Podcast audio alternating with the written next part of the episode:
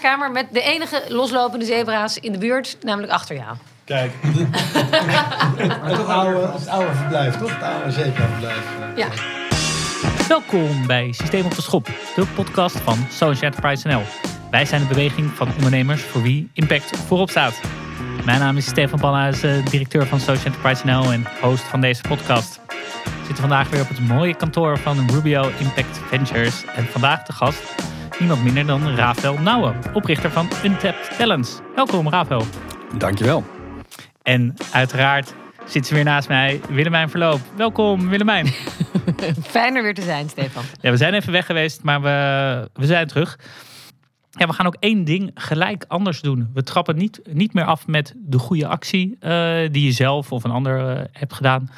Maar we vragen even, ja, is er iets of iemand wat jou heeft geïnspireerd de laatste tijd? Dat je zegt, hé, hey, dat wil ik gelijk even, even benoemen. Ja, uh, zeker. Ik, um, ik, jullie hebben me vast voorbij zien komen. Maar de link-up actie van de Refugee Talent Hub, echt fantastisch hoe zij um, 25... Vertel, uh, wat gebeurt er? Mij, mij zegt het niks. Oké, okay. 25 um, leidinggevende leiders in Nederland hebben hun LinkedIn profiel gedeeld met ja, mensen met een vluchtelingenachtergrond. Ja. Om zo hun netwerk echt te delen. En ja, dat is gewoon zo spot-on van wat er moet gebeuren. Gewoon ieder, als iedereen iemand met een vluchtelingenachtergrond uh, bij de hand neemt en um, even verder helpt in deze maatschappij is het probleem zo opgelost. Ik heb hem al vijf keer voorbij zien komen op LinkedIn. Ja, nu je het zegt, uh, herken ik hem ook. Ik zag hem inderdaad bij de, de, directeur van Triodos Bank uh, bijvoorbeeld. Pauline. Ja, Pauline had hem ook, ja. ja. Supermooi. Uh, Willemijn, heb jij iets voor iemand dat je zegt van uh, die ga ik even. Ja, nou ja, het is een beetje een open deur, maar ik las in de Volkskrant echt een waanzinnig gaaf interview met ene Rafael. Ja. en ik dacht, hey, dus ik zei tegen jou, hey Stefan, die moeten we in de podcast vragen, want wat is die met iets bijzonders bezig nu? En uh, daar willen we meer over weten. Dus het is eigenlijk een beetje een open deur, maar het was wel de aanleiding, dat artikel, want wij kennen elkaar uit een heel ander gremium. Maar daar komen we vast nog op. Maar ik vind het super mooi wat je doet.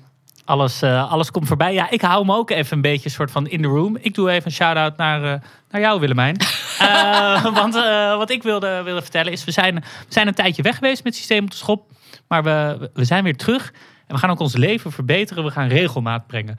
Iedere vijftiende van de maand komt er een nieuwe aflevering online. Deze zal 15 maart online komen. 15 april de volgende et cetera. En uh, nou, superleuk dat je, dat je weer meedoet. Ja, en ik ben blij. Het is vandaag natuurlijk de internationale dag, Vrouwendag. Dat had ik ook kunnen zeggen. Dus uh, we, we hebben eigenlijk hadden we natuurlijk alleen maar vrouwen aan tafel. En dan zit ik met drie mannen. Ja, ja, ja. Ja, ja want Lieve, onze vaste uh, podcastmaker, is natuurlijk ook weer bij. Ja. Maar um, dus ik wil wel dat we er vandaag een beetje extra aandacht gaan geven. we nemen volgens mij vandaag alleen op met mannen. En dat is juist ons tribute naar de vrouw. Zo. okay. Goed verhaal. Goed verhaal ja, ja, tijd om door te gaan. Hey, uh, ja, Rafael, we willen, willen jou beter leren, leren kennen. Uh, ja, je hebt recentelijk onderneming opgericht. Je hebt hier, uh, hiervoor uh, lang bij een mooie duurzame bank gewerkt. Daar gaan we het vast ook even over hebben. Maar ik duik altijd iemands cv in. En ja, je hebt hotelschool gedaan. Ging daarna naar de, de ABN AMRO. Um, ja, kan ik dan concluderen dat de, dat de idealist in jou wat later is ontwaakt? Of, zat er het wel vroeger al in? Hoe, ja, hoe stond je in, in het begin van je carrière? Nou, ik heb nooit echt, in het begin van mijn carrière heb ik nooit echt doorgehad dat ik het zou kunnen combineren. En dat was, dat was het vooral van, ik heb altijd wel vanuit, vanuit huis uit, was wel met de padlepels maatschappelijk ondernemen uh, er, ja, erin gegoten. En altijd wel met oog voor de mens. En um, veel met mensen met een uh, verstandelijke beperking gedaan vanuit mijn verleden. Uh, toen ik wat jonger was, maar ik heb het nooit gecombineerd. Dus ik zag het altijd als twee losse dingen. Uh, waarbij ik carrière maakte en studeerde. En daarnaast een paar vrijwilligerswerk dingen deed. Maar ja. nooit gecombineerd. En het was... Um, ik werkte toen bij ABN AMRO Bank en het was een zaterdagochtend. En ik was tegelijkertijd een project aan het doen bij mijn zusje. Die heeft een verstandelijke beperking en die woont in een, um, ja, in het thuis voor mensen met een verstandelijke beperking. Ja. En die maakte kaarsen. En um, hartjeskaarsen. En die, die, die vond ik zo tof dat ik ze had geprobeerd om eens een keer bij een winkeltje in Rotterdam onder te brengen. En daar te laten ja, verkopen. Want ze hadden ze alleen daar op de werkplaats staan.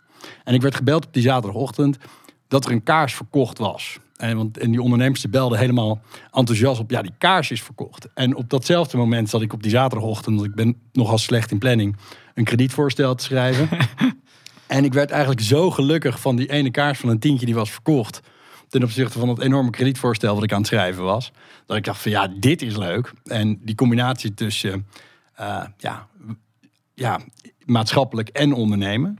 Dus ik zou het ook geen idealisme willen noemen, maar meer ja, het mooie van sociaal ondernemers vind ik echt dat idealisme, maar ook realisme en pragmatisme. Hè? Die drie dingen die je toch moet hebben met hart, hoofd en handen om het allemaal maar te doen. Ja, dat begon toen te leven. Nou ja, en dan zou de open deur natuurlijk ook zijn. Dat was ook rond de tijd dat um, Social Enterprise NL opstartte. Het was ook rond de tijd van het boekje van Willemijn en Mark. Uh, Verbeter de wereld, begin een bedrijf. Ja. En uh, ik weet nog heel goed in de Storkfabriek een ASN um, bijeenkomst zelfs. Uh, waarbij jij sprak over sociaal ondernemen. En dat was een beetje het moment dat ik dacht van ja, weet je, waarom ga ik elke dag naar kantoor en laat ik een deel van mijn identiteit achter? Want deze jas past me niet. Dan hang ik hem eigenlijk ochtends aan de kapstok. Ja. En toen ben ik gaan zoeken. Nou, toen kwam ik bij Triodos Bank terecht. Ook nog een tijdje in de gehandicaptenzorg wat gedaan, een halfjaartje. Maar bij Triodos Bank uh, echt die combinatie kunnen vinden tussen uh, maatschappelijk ondernemen en, en business. En dat vond ik zo gaaf. En ja, weet je, zo geschieden. En dat, dat is een jas die me lekker zit. Bij Triodos lang, heel lang heel lekker heeft gezeten. En nou, na zeven, acht jaar daar dacht ik van... ja, het is ook wel weer tijd om zelf iets te doen. En het jukt eigenlijk altijd wel om een keer gewoon zelf echt iets te gaan doen. En niet als financier aan de zijlijn mee te kijken en mee te doen. Maar echt ja, zelf met de poot in de modder en uh, gewoon eens een keer wat proberen.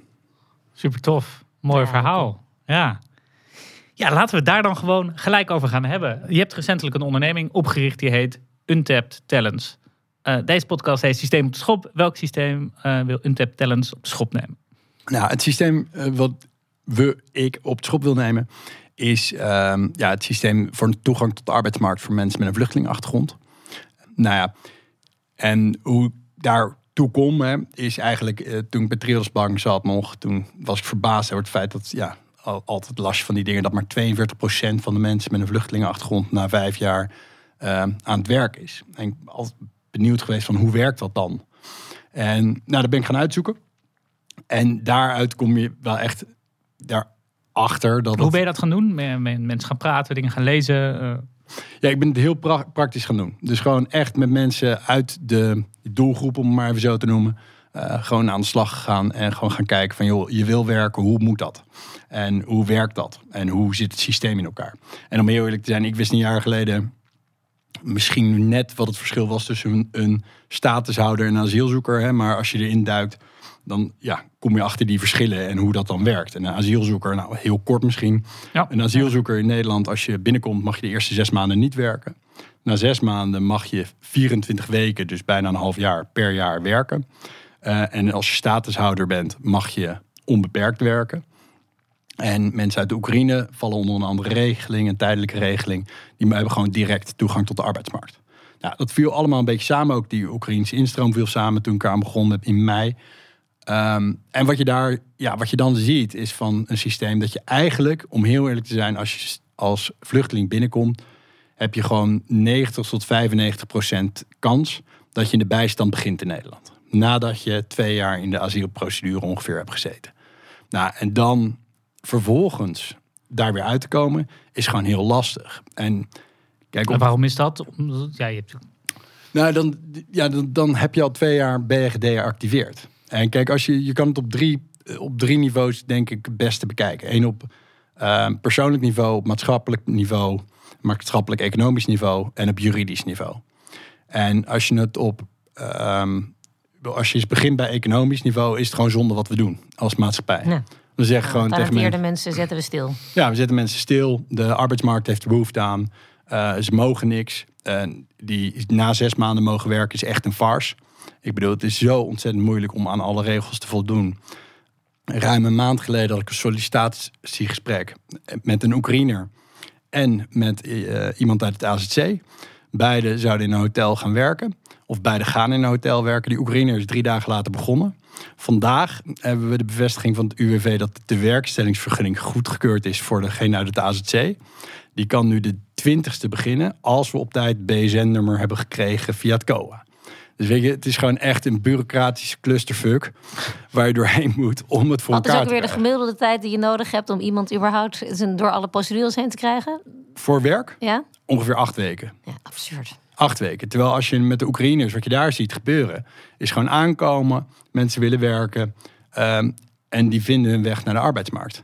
En de, de, de manier, vroeg de manier waarop, waarop ik was begonnen, Ja. was gewoon door met mensen te praten en te gaan kijken. En nou, mensen komen dan naar je toe en die zeggen dan van, nou, ik wil graag werken. Nou, gaan we uitzoeken of je kan werken of we wat kunnen vinden.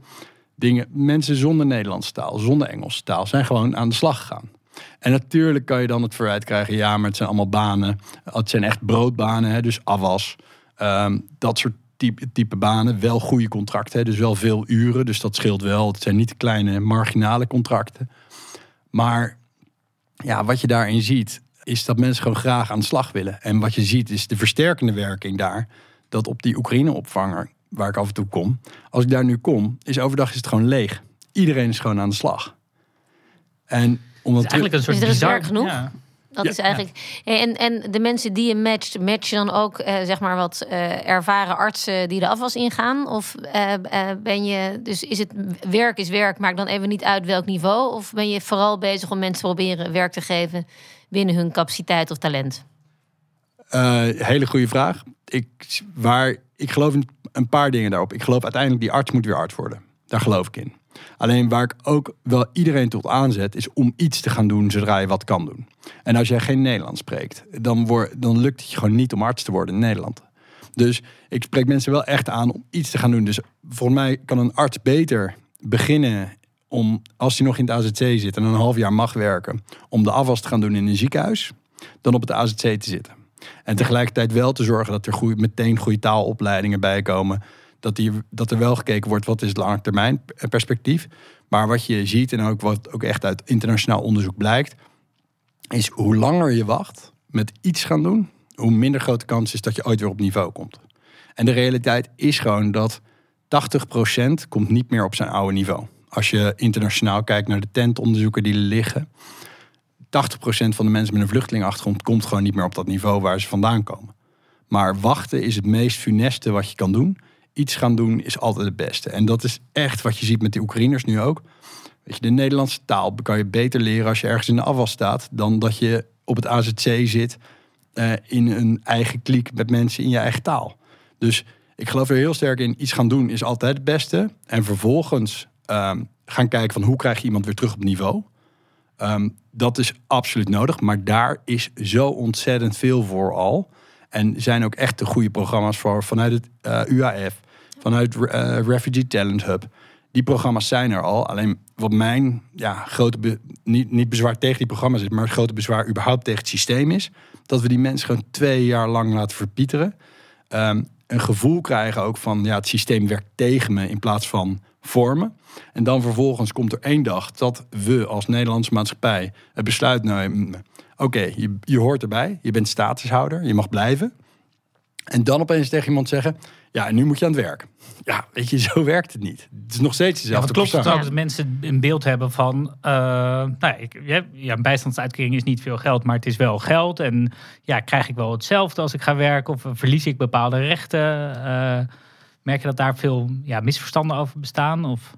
Nou, daar kom je in het probleem die sowieso eh, geldt als het gaat over de armoedeval en ehm, ja. de werk-loondiscussie. Eh, het probleem rond de bijstand. Ik bedoel, als je drie kinderen hebt in Nederland en je zit in de bijstand, ja, dan heb je een inkomen van netto inkomen van 2.500 euro. Ja, weet je, dan is het wel even een stap om te gaan werken voor 40 uur per week voor ongeveer hetzelfde geld. En wat mensen dan vaak niet zien is van ja, maar na die 2.500 euro komt een volgende stap Ja. in een volgend jaar en zo groei je in je salaris. Maar je ziet wel echt vaak eh, op, op deze rand, ook gewoon bij mensen in de bijstand nu in Nederland, ja, toch vaak de flexbanen, toch vaak die uitzend, kleine uitzendcontracten, eh, die, die groeien niet door. En dat, eh, dat is, we- maar dat is Ja, het hele eh, bijstandprobleem, ja, denk ik. Ja, het is een breder probleem. Ja. Maar jij richt je dus met name op die mensen in de, zeg maar, beginnend bij anderhalf uur, dat anderhalf jaar, dat ze sowieso tussen in, in het AZC zitten voor ze een status eh, vergunning krijgen, als ze die al krijgen. Want soms zitten ze veel langer dan anderhalf jaar te wachten daarop, toch? Ja, klopt. Ja, Dus die, dat is de doelgroep waar jij je op richt. Om, die, om ze na die eerste zes maanden, of kan je in de eerste zes maanden ook al wat voor ze doen?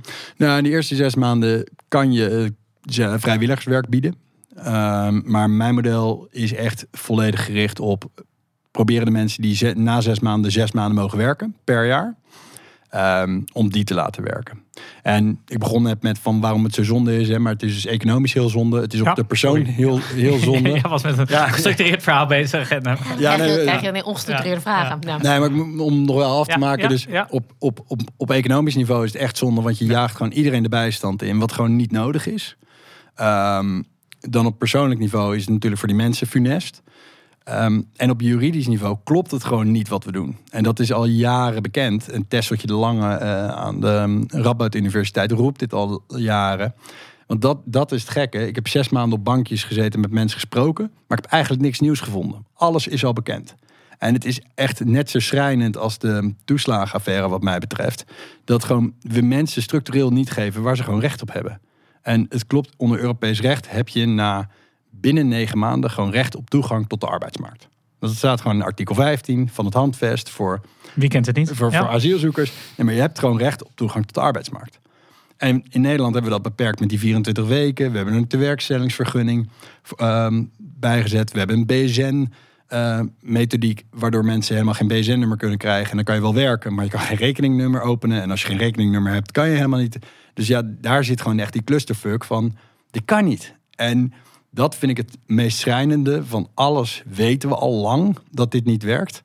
Alleen ja, deze groep, ja, Hey, en heb je komt zoiets van, eh, nou, daar ga ik me dan ook hard voor maken om dat te veranderen? Want dan is ja, waarschijnlijk uiteindelijk de politieke aan zet. Nee, 100%. Kijk, ehm, ik denk dat als het ultieme doel van een sociaal ondernemer is om niet nodig te zijn. Ehm, nou, ik, ik, ik moet altijd, ik, ik, ik hield dat enorm van het, uitgangspunt bij Triodos Bank. De, de oprichters hadden daar op twee A4'tjes hadden daar een businessplan. En die zeiden, nou, over vijf jaar je, zijn we ingehaald door de rest. Want dan zijn we volledig duurzaam, snapt iedereen. Het hebben we één keer voor gedaan hoe je een windmolen financiert. En dan zijn we klaar. Nou, Ja. We zijn 40 jaar verder en het is helaas nog niet zo.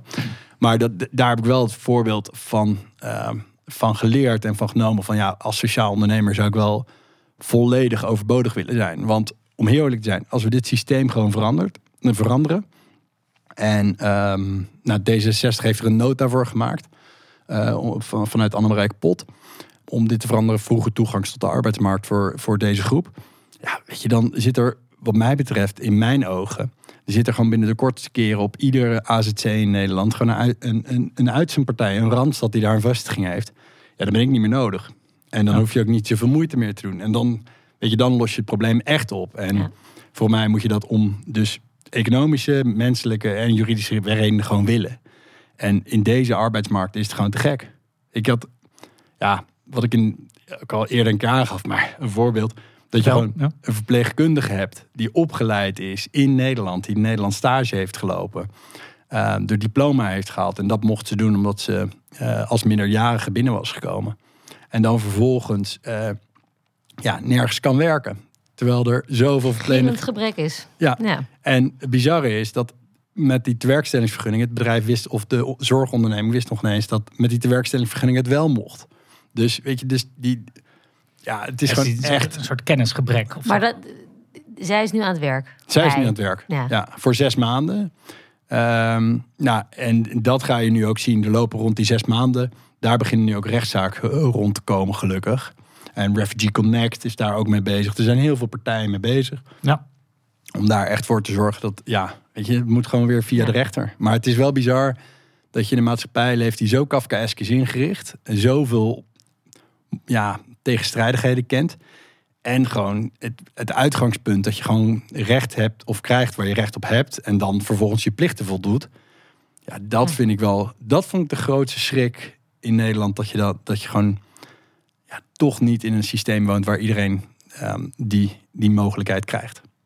En het moment, het moment dat ze die mogelijkheid krijgen, zes maanden werken en ze leven nog steeds in het AZC. En we weten ook hoe moeilijk de situatie in die AZC soms is. Hoe, wat, wat kom je daar tegen? Want dat is natuurlijk, je leeft in een ongelooflijke eh, volatiele situatie, waar, waar heel veel mensen ehm, ja, het, het moeilijk hebben. Dus hoe, hoe makkelijk of, eh, is het? Een beetje, I'm leading the witness hier deze vraag, maar hoe, hoe- ik, ik, ik ben daar een aantal keer geweest eh, op die AZC's, ook wat Wordchild daar werkt. En, eh, en dan denk ik, jeetje, als je hier moet leven, hoe combineer je dat met een baan? Nou ja, ik, denk juist precies andersom op. Door, doordat je een baan hebt, hoef je er niet permanent te zijn. En, ehm, en, en, en dat is ook wat ik zie en de, de mensen die ik spreek ook. En dat is ook wel waar ik belang aan hecht. Kijk, ik praat ook niet over met welke bedrijven ik werk. Ik praat ook niet over met welke kandidaat ik werk. En binnen bedrijven wordt ook weinig gecommuniceerd dat er met mij gewerkt wordt. Omdat ik, omdat we er ook echt alle twee, of bedrijven en ik zelf ook e-, echt in geloven dat je, ehm, je op het moment dat ze daar binnenlopen, zijn professionals. En of het nou de afwasser is, of een IT-professional of een finance professional, op het moment dat je daar binnenloopt, ben je aan het werk. En je bent daar aan het werk omdat je een bepaald talent hebt, of je bent er aan het werk omdat je bepaalde dingen wil bereiken later. En wil je dat je daar weer naartoe wil werken. Ehm, maar op het moment dat je er binnenloopt, ben je geen asielzoeker meer. Maar ben je gewoon professional. En dat, dat vind ik heel belangrijk. En dat doet ontzettend veel met mensen in hun waardigheid. Van, van, van joh, ik, ik, uh, ik ben wat waard. Ik doe wat. Ik doe er toe. Er is iemand die op me wacht. En als ik niet kom, heeft iemand een probleem. En belt iemand of ik even zo snel mogelijk wil komen. En weet je, ik wil het niet bagatelliseren. Het is knetterlastig. Het gaat ook hartstikke vaak mis. Uh, ik zeg ook vaak, of, ja, ik zeg vaak tegen bedrijven: uh, de succeskans ongeveer 70%. Maar als het lukt, lukt het goed. En dan heb je gewoon echt onwijs gemotiveerde goede mensen. Hey, misschien nog even inderdaad van, want ja, wat is de, ik snap dat je niet over de bedrijven wil, wil praten, maar wat is de werkwijze eigenlijk van, van Untapped? Wat is de, ja, wat doe je? ja, nou, je, je, ik kan er een heel mooi verhaal van maken, maar het is gewoon een heel plat recruitment model. Um, het is um, gewoon bedrijven, vacatures, um, bedrijven die ja, verlegen zitten om mensen koppelen aan mensen die graag willen werken. Um, en dat zijn ongeveer in Nederland 30.000 die op de AST zitten die zouden mogen werken. Er werkt op dit moment 2% van. Hè. Um, dus ja, dat is wel echt, als je dat afzet tegen de 46% van de Oekraïners die aan de slag zijn. Um, dat, dat is echt nee, bizar. Is... dus daarin zie je wat kan. Dus wat maar je bedoelt 30.000 mensen. Weet jij van al die 30.000 mensen wat ze kunnen of waar ze naartoe willen? Uh, Zeker niet. neem ons iets meer mee in het dagelijkse, ja. dagelijkse gang van zaken. Nee, dat ze gewoon naar AZC's gaan. En ik denk, ik ben nu denk ik in contact met zo'n 300 mensen met een vluchtelingenachtergrond die aan het werk willen. Dus kunnen ook Oekraïners zijn, kunnen ook mensen zijn op de AZC. Maar ik was gisteren bij het AZC in Leersum. Uh, morgenochtend weer bij het AZC in Utrecht. En dan uh, gewoon tijdens de momenten die er zijn om te melden ben ik daar graag en dan praat ik met mensen die willen werken. Uh, en tegelijkertijd, dat gaat vrij makkelijk, moet ik zeggen. En wat, wat ik nu vooral aan het doen ben, is heel veel bellen met bedrijven. Uh, en bedrijven vragen van of ze mensen zoeken en of ze bereid zijn door die bureaucratische hurdles heen te stappen. Om... Die acht weken aanlooptijd met uh, en, en dat je mensen mogelijk na zes maanden weer kwijt bent. Ja, maar als je eenmaal daar een routine in hebt, hè, dat klinkt een beetje gek, maar dan als je daar eenmaal een systeempje in hebt en je weet hoe het werkt, dan valt het wel mee. Kijk, die de werkstellingsvergunning aanvragen, het is vijf weken wachten, maar het is in tien minuten geregeld. Uh, en hetzelfde voor die BZN. Als je eenmaal weet hoe het moet. Ja, het is gewoon op bepaalde momenten even heel hard hollen om te zorgen van oké, nu meteen in gang zetten. En dan wacht je een paar weken en dan ga je weer verder. En dan, dus als je eenmaal het systeem erin hebt, dan kan je er ook wel op calculeren. En dan heb je gewoon goede mensen die voor je werken. En ik heb natuurlijk ook ja, gewoon veel mensen uit uh, Oekraïne kunnen bemiddelen naar werk. Hoeveel heb je er nu bemiddeld in totaal? Um, op dit moment zijn er 30 aan het werk vandaag. Dus, uh, dus 30 aan het werk. En er zijn nu iets van 22 mensen of, uh, al gestopt. Uh, en dat was gestopt om redenen van de zes maanden die verlopen was. Of om reden van verhuizen, want dat krijg je natuurlijk ook. Dus ja, gemiddeld. Ja, we sturen ze hier in Nederland van het ene kastje naar het andere kastje. Precies. Dus je kan zomaar weer verplaatst worden naar een AZC 100 kilometer verderop. En dan ben je je baan ook kwijt. Ja, nou, en ik moet zeggen dat COA daar wel gevoelig voor is om naar te kijken hoor. Dus dat, dat kan, maar het kan ook om andere redenen zijn. Dat mensen gewoon weer doorgaan met leven in, uh, ja, dat ze zichzelf voor kiezen. Dus. Wel, bedrijven vinden die deze mensen willen plaatsen, was natuurlijk ook een van de gedachten toen ik had toen we je uitnodigden voor deze podcast. Van nou, er moet toch in de, de, de luisterende uh, uh, zeg maar ondernemers van deze podcast moeten wel mensen zijn die dit leuk vinden, die hier graag een bijdrage aan willen leveren. Was mijn overweging in ieder geval. Dus ik weet niet hoe jij dat ziet, Stefan, maar de hoop van de ondernemers die zelf maatschappelijk aan het ondernemen zijn, zijn vaak ook extra bereid om een stapje eh, verder te zetten om mensen een kans te geven. Ja, absoluut. Dus wat, moeten ze doen, Rafa? Moeten ze jou bellen? ik heb een factuur. Uh... Ja. Nee, kijk, bellen kan zeker altijd, maar ook echt graag bereid. Want dat doe ik ook vaak. Dat, de, dat is ook wel interessant. COA soms bellen medewerkers die zeggen: joh, ik, we hebben iemand die heeft zelf een baan gevonden. Maar wat moet het bedrijf nou doen? Ja, ja, ja. En uh, nou, de, er zijn een paar toolkits. Ook van Ben Jerry's heeft ooit een toolkit gemaakt. Die zijn er zelf ooit doorheen gegaan om dit te doen. Um, dus waar bedrijven vooral moeten, denk ik, uh, of waar ze zichzelf voor mij, voor mij een hele grote rol mee doen, is gewoon om te overwegen, om te kijken van hoe werkt dit nou? Want het is eigenlijk, als je eenmaal weet hoe het werkt, is het niet zo heel moeilijk. Het, je moet er even op, re op rekenen qua weken en dat soort dingen. Maar je kan er echt wel um, gewoon goede mensen um, uit een doelgroep halen. En ik kan dat, maar weet je, jullie kennen heel veel partijen die dat ook kunnen. Refugee Talent Hub. Nou ja, zit wat later af, er zijn natuurlijk best wat, uh, wat, ondernemers in het netwerk van Social Enterprise NL die zich met nou, deze groep bezighouden. Dus ik, ik dacht nog even, waar zit, en volgens mij, we hebben het al een beetje aangetikt, maar waar zit, uh, nou ja, wat doe jij weer anders? Of waar, waar, waar, zit het onderscheid of waar zit de gezamenlijkheid? Uh, nou, vooral die periode waar ik het net over had, toch? Dat je juist als je nog geen uh, staatshouder, staatshouder bent, uh, bemiddeling, daar is volgens mij een enorm gat in de markt. Ja, dus alles. Refugee Company doet daar ook dingen in, maar Zeker, met name ja. binnen hun eigen plekken die ze kunnen bieden. Zeker, ja. Dus En, Refugee eh, Company ja. is heel vroeg, biedt heel Ja. vroeg de mogelijkheid om aan mensen om, ehm, om wat te gaan doen, om te activeren. Dus die filosofie, die, ehm, ja, wat Fleur, de, wat Fleur en de Refugee Company daarin doen, is echt fantastisch. Ehm, waar, waar je andere programma's ziet, zoals bij, bijvoorbeeld de Refugee Talent Hub en eh, bij het UAF. Die zitten iets later, die Ja. zitten gewoon wat later op het moment dat mensen echt een, een status hebben. En het pleidooi wat, waar ik probeer te kijken van wat kan hierin, hè? hoe kunnen we nou die 2%, hoe kan je er nou 50% van maken? En als we dat, als we dat, wat gebeurt er dan? En wat gebeurt er dan ook met je, eh, je kosten in de bijstand? Wat gebeurt er dan met die mensen? Wat gebeurt er dan met, ehm, ja, met Ja. wat gebeurt er dan? En voor mij is het, het, wat er nu gebeurt, is dat je eerst twee jaar wacht en dan op het slechtste moment ga je mensen laten werken. Want dat is het moment dat ze een huis krijgen, dat is het moment dat ze naar een nieuwe stad moeten, dat is het moment dat ze familie ehm, hereniging mogen Ah, ja. plegen, dat is het moment dat ze moeten gaan inburgeren. Al die dingen moeten dan te komen en je moet ook nog werken. Oh ja, en je krijgt wel een eh bestaanszekerheidgevende uitkering. Ja, weet je, dan komt werk echt op het allerlaatste. Dus ga je weer twee jaar wachten. Ja, dan zit je, ben je meestal al vier jaar gedeactiveerd. En dan vaak gaan we ons eerst nog richten op Nederlands. Ja, en dus in Nederlands leren we, vinden we dat, dat je uit een boekje moet leren. Maar dan zie je toch dat de sociale cirkel echt nog vaak me- mensen uit het eigen netwerk van een eigen land van herkomst zijn. Dus ja, zo leer je voor mij geen Nederlands. Dus hoe eerder je Ja. mensen kan activeren. En dus En, daar en is een doe je daar ook dingen in? in, in eh, of heb je dan maatjes met wie je werkt die je ook helpen met zo'n training op basis van nou, niet alleen taal, maar ook cultuur en, en hoe met elkaar om te gaan? Want dat is natuurlijk ook iets wat je vaak hoort. Dat het gewoon het, het begrijpen hoe die gekke Nederlanders werken. Ja. ja. Heeft ook nog wel eens een, eh, eh, ja, brengt nog wel eens wat complicaties. Nee, die, die heb ik ook. De, de- ik heb denk ik ook wel echt ongelooflijk veel domme fouten gemaakt als het gaat over culturele verschillen. Dat, dat moet ik er volledig erkennen. Ook wel een paar echt van, wake-up calls. Ik werk met eh, twee mensen samen. Ehm, eh, die, die, ja, die vliegen in op het moment dat ehm, bepaalde dingen spelen. Maar één jongen die, spreekt, ehm, die heeft heel veel verstand van Russisch en van. is zelf een Italiaan, maar hij spreekt Russisch en Engels. En weet je, dus die heeft veel meer gevoel bij van ja, wat speelt er? Want je kan een vertaler tussen zeggen, maar ja, wat feitelijk gezegd wordt, is niet altijd wat, feit, wat, wat bedoeld wordt. Dus hem kijk ik ook af en toe aan van, joh, weet je, hij zegt wel dat hij dit wil, maar wil hij dit ook echt? Of ze, ja, of ze zegt wel dat ze. Dus, dus daarin. ehm, Ik had Nee. iemand die mij ooit mij vertelde, vond ik zo'n mooi voorbeeld. Die zei, ja, ik begreep het niet. Dan ging ik mijn Nederlands oefenen op straat. En dan ging ik mensen aanspreken op straat. En niemand wilde met mij een gesprek aangaan op straat. en dus ik, ik had heel lang nodig om achter te komen... dat Nederlanders elkaar ook sowieso... dat het niet om mij ging. Maar dat als jij iemand aanspreekt op straat... dat ze met jou ook geen gesprek aan willen gaan. Maar ik nam dat heel persoonlijk.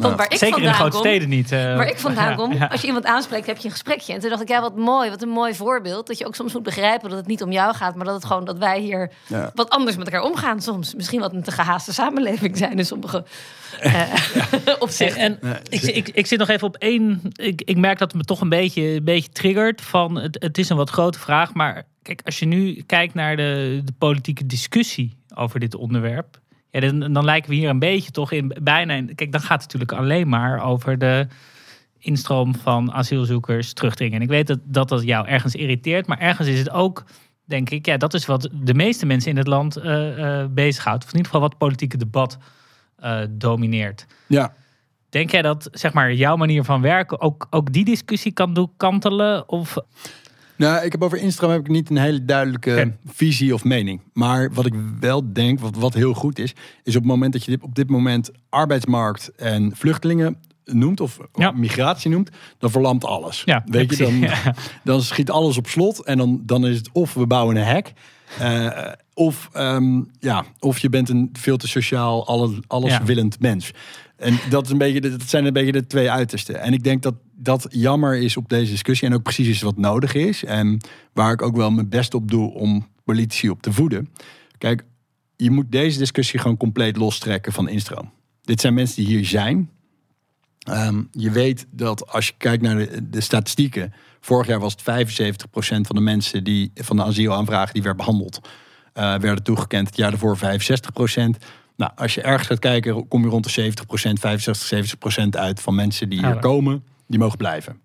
Kijk, of je dat strenger moet maken of niet, ik heb er geen verstand van. Of je eh, een hek om op Europa heen moet zetten, ik heb er geen verstand van. safe zones in Botswana hoorde ik gisteren meen ik. Ja. ik, ik, ik weet het niet. Maar wat ik, wat ik wel weet, kijk, op het moment dat je hier mensen neerzet in een AZC en helemaal niks laat doen, dat heeft op die drie facetten wa- wat ik benoemde gewoon echt schade. En je gaat er, je, het heeft nog een ander maatschappelijk effect, namelijk dat mensen die illegaliteit inschieten, mensen gaan wat doen. Je kan niet niks doen. Je gaat niet als mens niks doen. Je, gaat, je wil een bestaan bouwen. En dat is het zonde van die discussie, dat die zo gekoppeld is aan de instroom. En ja, door de polarisatie die we hebben op dit onderwerp, dat gewoon de hele discussie stokt. Want er zit voor rechts en links zit hier gewoon heel veel in. Voor rechts zitten echt gewoon die economische zaken in.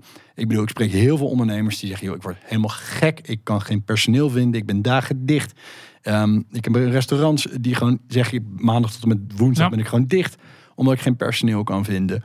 Ehm, nou, de zorg is ook algemeen bekend. ICT schreeuwt om mensen. En ze zitten echt in die 30.000 man, zitten gewoon talenten. Nou, dan heb je onderzoeken die worden gedaan die zeggen: ja, eh, de huidige asielzoekers zijn niet het, de oplossing eh, voor het arbeidstekort. Nee, maar de oplossing bestaat ook niet, want het is zo groot. Dat moet je vinden uit verschillende dingen. En dat vind ik zo zonde dat we dat, ehm, dat daar die discussie niet gewoon op een normale manier over gevoerd kan worden. En dat gewoon gezegd kan worden van ja, jongens, dit gaan we gewoon handiger aanpakken en we laten mensen werken. En als ze worden uitgeprocedeerd, ja, dan worden ze uitgeprocedeerd. En wat mij betreft maak je er een spaarrekening van, van een deel van het salaris. En zeg je dat klaar voor, joh, als je mag blijven, mag je blijven op je spaarrekening. Als je weg moet, moet je het meenemen. Weet je, daar heb ik allemaal geen mening over van dat beleid. Dat is niet mijn expertise. Maar wat we nu doen is echt zo zonde. Dus dat... eh, Helder verhaal. En denk goed het ook nog even op deze manier eh, eh, Ja. verwoord hebben. Ik denk dat het leuk is om ook even naar een ander onderwerp eh, te gaan in deze podcast. Want eh, ja, je, bent, nou, je hebt lang, je lang voor Tridos Bank gewerkt en hebt daar het, eh, het financieringsklimaat, denk ik, voor, voor sociale ondernemingen zien veranderen. Gaf je het al aan? Ja, kan je er iets over vertellen? ja, dat, dat kan. Nee, ja, wat, wat, ja, wat heb je zien veranderen en, en, en hoe komt dat, denk je? Nou ja, ik denk ehm, over het algemeen hetzelfde je- wat jullie hebben zien veranderen. Dat de, de beweging van ehm, ja, sociaal ondernemerschap was echt een early majority. Misschien tien jaar geleden eh, toen jullie startten eh, als Social Enterprise NL. Ja, van wat is dat dan? Dat eerst is definiëren en ja, hoe zit dat dan? En hoe werkt een sociale onderneming dan? En nu is denk ik veel meer ehm, ja, algemeen bekend. Of tenminste in ieder geval bij sommige partijen algemeen bekend van... Algemeen Ja, bekende. Nee, nee, maar goed, tien jaar geleden moesten we echt overal uitleggen. Ik zie me nog zitten bij EZ of bij de bank. Wat een ondernemer die ook een andere doelstelling nastreeft, werd eigenlijk toch een beetje, ja, dan heb je het niet goed begrepen. Ja, Of dan ben je toch eigenlijk niet, je bent eigenlijk een NGO, je bent toch een stichting, je begrijpt het niet. Dus dit, je, we hebben wel heel veel barrières gehad in de beginjaren. En ik denk dat het overkomen van die barrières, begrijpen dat het ondernemers zijn die net zo ambitieus zijn en alleen op andere, eh, em, zeg maar, op andere zaken sturen, mede op andere sturen. En daar hebben we met een aantal mensen zoals jij, hebben we daar best wel wat stappen gemaakt in het veranderen van, het, eh, van, het, van de toegang tot een aantal financieringsmogelijkheden daarin. Ja, dus, dat denk ik zeker. Dat, ehm, ik denk dat, dat daar veel in is veranderd. Ik denk dat gewoon de markt is gaan begrijpen wat het is. En ehm, de- dat dat veel helderder is. Ehm, en dat er veel meer toegang tot kapitaal is geworden. Ja, dat blijkt Ja. ook wel uit jullie eigen analyses. Nee, wat er ook nog wel eens uit, uit voorbij komt of eh in langskomt, is toch een soort van financieringsparadox. Hè? Want het aanbod van, van kapitaal is enorm toegenomen. Maar als je, als je mensen vraagt, ondernemers, en dan zeg ik even bij met name, met name ondernemers in de beginfase naar obstakels, dan komt die financiering toch ook wel weer, toegang tot financiering toch ook wel weer vaker naar boven. Uh, dus daar lijkt soms een soort van uh, sprake van een paradox. Hè? Financiers zeggen ja, we hebben meer uh, sterke ondernemers nodig. En ondernemers zeggen we hebben, we hebben financiers nodig die nog beter bij mijn wensen passen. Wat is jouw ja. analyse daarop? Nou ja, ik denk dat je hem precies, precies okay, raakt zoals die, zoals die vaak voorbij komt. En ik, ik heb wel altijd genoten van de, de, de bij jullie programma ook. Van, um, van bij jullie programma's die jullie hadden voor ondernemers, voor startende ondernemers. Ik denk dat daarbij het goed is om te realiseren dat als je naar een financier kijkt, en financier heeft, ja, een euro heeft altijd een label. En heeft een bepaald label met bepaalde karakteristieken. En dat is bij een, uh, bij een impact investeerder anders dan bij een uh, een normale investeerder, om het zo maar te zeggen. Ja. Um, en tegelijkertijd, als je bij een bank aanklopt, ja, dat geld moet gewoon terug. Uh, en dat is maar goed ook, want anders um, is het gewoon afgelopen. Dus ja. kijk, een bank neemt natuurlijk niet zoveel risico en moet het ook helemaal niet willen. En ik denk dan wel dat er heel En daar zie je misschien soms nog naïviteit bij ondernemers. Nou, kijk, ik denk dat, maar dat geldt ook als je naar een klant gaat, verdiep je je ook in wat, wat voor die klant, wat heeft waarde voor die klant. Ja. En dat is denk ik met, als je met een financier praat, ook wat, wat vindt de financier belangrijk, wat wil die ander zien. En kijk, het waardeparadox altijd zit, en dat merk ik nu ook als starter zelf, is dat je zo blind moet geloven aan de ene kant dat het gaat lukken.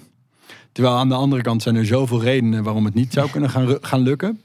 En daar gaat die financier naar kijken. Die gaat kijken, ja, maar er zijn gewoon heel veel redenen waarom dit niet kan gaan lukken. En dat heeft met de risicobereidheid van het type geld te maken, of dat wel of niet aansluit.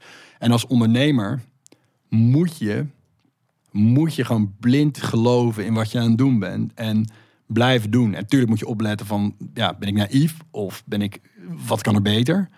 Uh, en wat, waar moet ik op letten? Maar je moet het belangrijkste is, als je er niet blind in gelooft wat je aan het doen bent, dan gaat het je niet lukken. Want het is gans onmogelijk wat sommige mensen voor elkaar proberen te krijgen.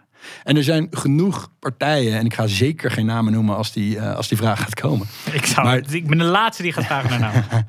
maar de, de, de, ik, ik zie genoeg partijen waarvan ik ooit een businessmodel of businessplan voorbij heb zien komen. En dat ik zeg, ja, ik durf die niet aan. Ik durf het niet aan. En die toch, die enorm zijn geslaagd. Dus ik denk het belangrijkste is dat op het moment dat een financier tegen jou zegt, ik durf het niet, dat dat geen um, dat dat iets zegt over de financier en niet over jouw plan. Nee, maar ik wil ook nog de andere kant belichten. Is, bedoel, we weten gewoon allemaal met startende ondernemingen, of het nou een sociale onderneming is of een commerciële onderneming is, dat 9 van de 10 het niet redden. Ja. En, um, en het is ook gewoon de realiteit. En, en, en dan is het heel makkelijk om met geld de schuld te geven. Te zeggen ja, want ik kreeg geen geld. En ik denk dat we ook gewoon dat gewoon niet ieder plan kan vliegen. En dat is niet erg. Gelukkig zijn er genoeg plannen. En ik ben ook blij dat er steeds weer nieuwe ideeën komen. En Heel veel worden ook wel gefinancierd. Maar het is altijd makkelijker om een probleem buiten jezelf te leggen dan bij jezelf. En ik denk dat we allemaal weten en hebben meegemaakt wat iets nou. wel eens niet is gelukt. En dat is ook oké. En dan kan ook gewoon weer opnieuw proberen. Dus ik geloof absoluut in het blinde vertrouwen in je plan. Maar het, het, mag ook mislukken. Ik vind het dat we in Nederland soms nog wel eens te veel bezig zijn. Dat alles maar goed moet gaan en moet lukken. En sommige plannen komen te vroeg. En dan probeer je iets te doen wat nog niet kan in de, in de huidige situatie. En dat is super jammer. Maar het is geen reden om het niet nog een keer te proberen. Ja. Maar heel herkenbaar. En het is, om heel eerlijk te zijn, op persoonlijk niveau mijn grootste angst. Ja, wat als het niet lukt? Weet je, wel, dat, dat stemmetje achter in je hoofd. En zeker als die grijze massa zo lekker als bankier is gevormd. Hè, van riskanalyses en dat soort dingen. Ja, ik zeg altijd 80% kans dat dit fout gaat. Namelijk 40% kans dat dat het mij niet lukt. En 40% kans dat die wet en regelgeving verandert. En dan lukt het me ook niet, want dan wordt het overgenomen. ben ik compleet overbodig. Ja, dus, ja. dus dat daarin... Dit is een mooi Maar bruggetje. ondertussen, Oh, ondertussen heb je al eh 30, wat of is het 52 mensen... eh, toegang gegeven tot eh, werk in de samenleving... en ruimte gegeven om zichzelf te ontwikkelen. Dat is ook succes. En natuurlijk wil je dat je business groot wordt... en dat je van die 60.000 mensen er heel veel meer kan gaan bereiken. Maar ik vind het mooie van wat jij aan het doen bent... en wat heel veel sociaal ondernemers doen... zijn dat ze al heel snel bezig zijn om directe impact te maken... Ja. op de mensen om hen heen. En dat is ook winst. Helder. hey, ja, eh, ja, hoe kijk je? Nee, ik eh, bedoel, de- deze vraag is al deels eh, beantwoord. Maar hoe kijk je naar de toekomst van, van Untapped? Wil je hier echt een, eh, ja, een, een mooi, succesvol bedrijf van maken? Een mooie, succesvolle sociale onderneming? En ik snap dat, hè, je, natuurlijk wil je ook overbodig maken op termijn. Maar ik weet een klein beetje hoe regelgeving verandert in Nederland. Laat ik jou vast verklappen dat de komende drie jaar daar helemaal niks gaat veranderen in die, eh, in die regelgeving. Dus eh, ja, wat zijn, de, wat zijn de plannen van het bedrijf? uitgangspunt. Nou ja, precies. Nee, nee, dit is er, Hier, hier heb ik het blinde en naïeve vertrouwen dat het echt gaat lukken. ja, En, in onze eh, democratie. Ja. Absoluut, Ja. absoluut. Nee, er gaat iets kantelen. De- de- hier gaat echt iets kantelen. En dat moeten we ook echt willen. Er zijn zoveel goede redenen voor dat dit gaat kantelen.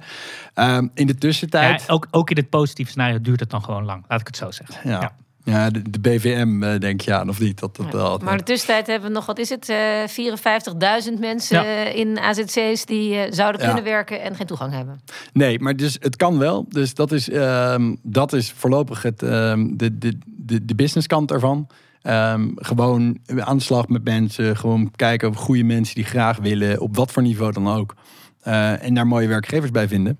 Ja. En doe ik nu nog vrij veel alleen met een paar ZZP'ers en met een paar freelancers eigenlijk daarnaast ehm, als ondersteuning. Ik, ik heb in een bepaalde, ja, bepaald groeipad in gedachten. En dan eh, ook wel echt ehm, halverwege eind dit jaar toch wel met een paar mensen erbij. En dan ehm, gewoon gaan, gaan, Ja. gaan bouwen en gaan leren op een commerciële manier. Dus ook echt heel bewust om het commercieel te doen, om, omdat het dan, ja, het heeft waarde. Dus dan wil je ook echt laten zien dat het waarde heeft. Ook om uit het systeem te blijven van eh, veel wat op basis van subsidies gaat in deze branche. Ehm, veel- daar wil ik graag Ja, want businessmodel is nog even... om Dat, De, ja, je noemde het een recruitment model. de maar werkgever ja, betaalt gewoon Ja. voor het... eh, ja, je Ja. hebt personeel voor hen gevonden, dus lappen. Ja, en dat is een vrij laagdrempelige eh, fee. Het zijn niet de recruitment fees die je bij de grote headhunters ziet van 25% van een jaarsalaris of iets dergelijks. Daar kom je niet mee weg. Eh, en, is- dat is vind ik ook veel. Maar combinatie van recruitment fee en advies. Want je geeft ook advies hoe het werkt, hoe je het systeem moet... eh, nee, volledig succes gebaseerd. Oké. Dus eh, plaatsingen. En dan smeer ik me ook nog uit over een paar maanden. Dus, dus per gewerkte maand bouwt, de, bouwt de succesfee op. Om te laten zien van, ehm, je, ik ben niet in voor een snelle plaatsing en dan weer weg. Maar weet je, het feit Nou, moet is je best wat mensen plaatsen om, eh, om het bedrijfje draaiende te houden, of niet? Zeker. Ja. Lukt ook nog niet helemaal, maar dat bedrijf eruit. Plaatsen wel, het bedrijf eruit. Nee, maar je, je- ik wil niet. Het, het moet niet snel zijn. Het moet, het moet, eh, dit, het, het, Ah. het moet is succes gebaseerd geen zijn. draaideurbanen van ik heb een plek en dan rollen ze er aan de andere kant weer uit. Nee. Nee, en ook niet, eh, ook niet in de marge. Dus ook niet drie uurtjes per dag. Behalve als iemand drie uurtjes per dag wil werken. Hè. Eh, maar complex verhaal, maar dan levert het ook niet zoveel op. Want mensen moeten ook weer afdragen aan het COA. Ehm, dus ik wil ook graag ja, volle contracten, 32 uur, 40 uur. eh, soms meer als mensen dat zouden willen. Ehm, dat je daar geloof ik in. En dan ehm, vijf, zes maanden betrokken zijn om te kijken of het werkt. Kijken wat er gebeurt. Daar moet ik ook zelf ontzettend veel van leren. hè. Van, van je, je, waarom werkt iets niet? En waarom werkt eh, bij de een wel en bij de ander niet? En Ja. daar, ja, Maar als je even dromend eh, vooruitkijkend, ehm, als jij er blijft een instroom komen, even wat de regels ook worden, hoeveel man heb je nodig in Nederland om eh, deze groep aan het werk te krijgen? Dus eh, eh, hoeveel, hoe groot moet uh, Antep worden om te zorgen dat we al, voor al die mensen een kans bieden? Nou, met de huidige regelgeving is het gewoon niet te doen. Dat, om heel eerlijk te zijn, daar ga je gewoon niet doorheen komen. Maar ik reken met in je eentje kan je ongeveer 50 actieve plaatsingen van zes maanden doen. Uh, dus 100 per jaar. Uh, dus dat zijn een beetje de orde van grootte waar je aan moet denken. Dat is haalbaar. Nou, en dan heb je dus op. Op die 54.000 man die nog moeten, die Eh, misschien niet allemaal kunnen werken, maar um, daar heb je echt nog wel wat uh, ja, collega's nodig om dat voor elkaar te krijgen. Ja. ik, ik, ja, dat zou natuurlijk mooi zijn. Klanten, dat, klanten. Uh, dat, ik, ik heb de naïeve discussie, een naïeve illusie dat dat niet nodig is. Dat voor die tijd het wel gaan inzien van je jongens. Die parallel ligt er met de Oekraïners. En dat, dat vind ik zo bizar om te zien. Die Oekra als je kijkt naar de Oekraïners, dat is gewoon echt. En tuurlijk zijn er cultuurverschillen. Ja. Absoluut. Weet je, de, en die spreken de taal ook niet. Dus, en die komen ook in de baan. Ja, maar tuurlijk zijn er ook verschillen, uh, cultuurverschillen ja. met de Oekraïners. Want dat willen we ook graag zien. Van ja, maar dat zijn bijna Europeanen. Die hebben dezelfde werkmentaliteit. Die willen werken. Dat is een arbeidersvolk. Uh, weet je, weet je dat, dat, die, die dingen hoor je ook veel ja. van. Dat is de reden dat het werkt. Geloof ik deels ook nog wel in hoor. Um, ik denk dat er ook lastigere culturen zijn die het lastiger vinden om bepaalde uh, om een stap terug te nemen. Die vroeger engineer waren, die dat nu nog niet kunnen. Maar ja, ik heb toch. Um, ik denk toch dat, ja, dat je echt gaat zien van die parallel tussen Oekraïners en asielzoekers, dat we die gewoon wel gaan trekken. En het verschil is dusdanig groot, dat is niet uh, alleen met cultuurverschil te verklaren. Nee. En dat vind ik politiek zo gek. Hè? De, de, op 24 februari was het een jaar geleden dat uh, de, oorlog in Oekraïne begon. En er was gewoon vanuit sociale zaken een lessons learned over wat werkt, wat werkt niet, wat moet er beter. Taalonderwijs moet beter, uh, uh, van broodbaan naar droombaan. Ehm, ehm, dat moet beter, dus niet alleen maar broodbanen, maar dat mensen ook kunnen groeien. En ik denk, ja, weet je, dat doen we bij de Oekraïners binnen een jaar. En bij de asielzoekers, uh, daar loopt nu datzelfde onder, loopt dezelfde soort onderzoek. En dat is nu uitgesteld tot in juni. Ik denk, ja jongens, dit is zo krom. Van waarom? Ja. Het is zo zonde wat we doen. Dus Helder verhaal. We gaan hem, uh, we gaan hem afronden. Dankjewel, uh, Rafael. Dankjewel, Willemijn. En ja, voor jou, Rafael, nog even de vraag van... Uh, bedoel, je hebt veel uh, sociaal ondernemers gezien de afgelopen tien jaar. net ging je geen namen noemen, maar nu, nu mag je een naam noemen. Welke andere onderneming, initiatief, persoon wil jij nog even in het zonnetje zetten? Ja, dat is de moeilijkste vraag die er is tot dusver. Want ik, ken er wel een aantal. Specialist tegen blijft toch altijd wel mijn, ja, Sjoerd van der Made, die dat ooit op heeft gezet, blijft toch wel mijn lichtend voorbeeld. Maar dichter in het ecosysteem van nu, ja, Fleur Bakker ehm, eh, van Refugee Company. Maar ook, ja. Ehm, ja, we hadden het al over het Refugee Talent Hub. Maar er zijn gewoon heel veel spelers, wat jij zelf ook al zei, actief uh, in dit veld.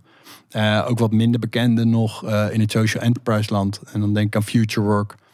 En dan zijn er nog een paar andere partijen die daar. Een paar accelerators hè, voor uh, ja, staatshouders die willen gaan ondernemen. Ook Precies. Een leuke ontwikkeling. Ja. Future Inc. Ja. ja. Al dat soort partijen. Forward Inc. Sorry. Forward Inc. Ja. En um, nee, weet je, dus dat, dat is een. Uh, een mooi ecosysteem wat er staat. Je komt er weer mee weg met er alweer zes genoemd te hebben in plaats van één. Gaat lekker, Rafael. Maar... Uh, ja, de parkeren, Rafael. nee, dat is gewoon... Ja, nee, supermooi. Ik, ik, ik dank je wel, want super leuk dat je dit wilde delen. En ik denk heel belangrijk dat er juist voor deze doelgroep iets komt en meer komt. Dus dank je wel voor je inzet. En ik hoop dat een aantal van onze luisteraars uh, denken... hey, kom maar door. Precies, personeel nodig. Ik bel Rafael, Untapped Talents. Dankjewel Rafael, dankjewel Willemijn, dankjewel lieve. Op naar de volgende, iedere vijftiende van de maand.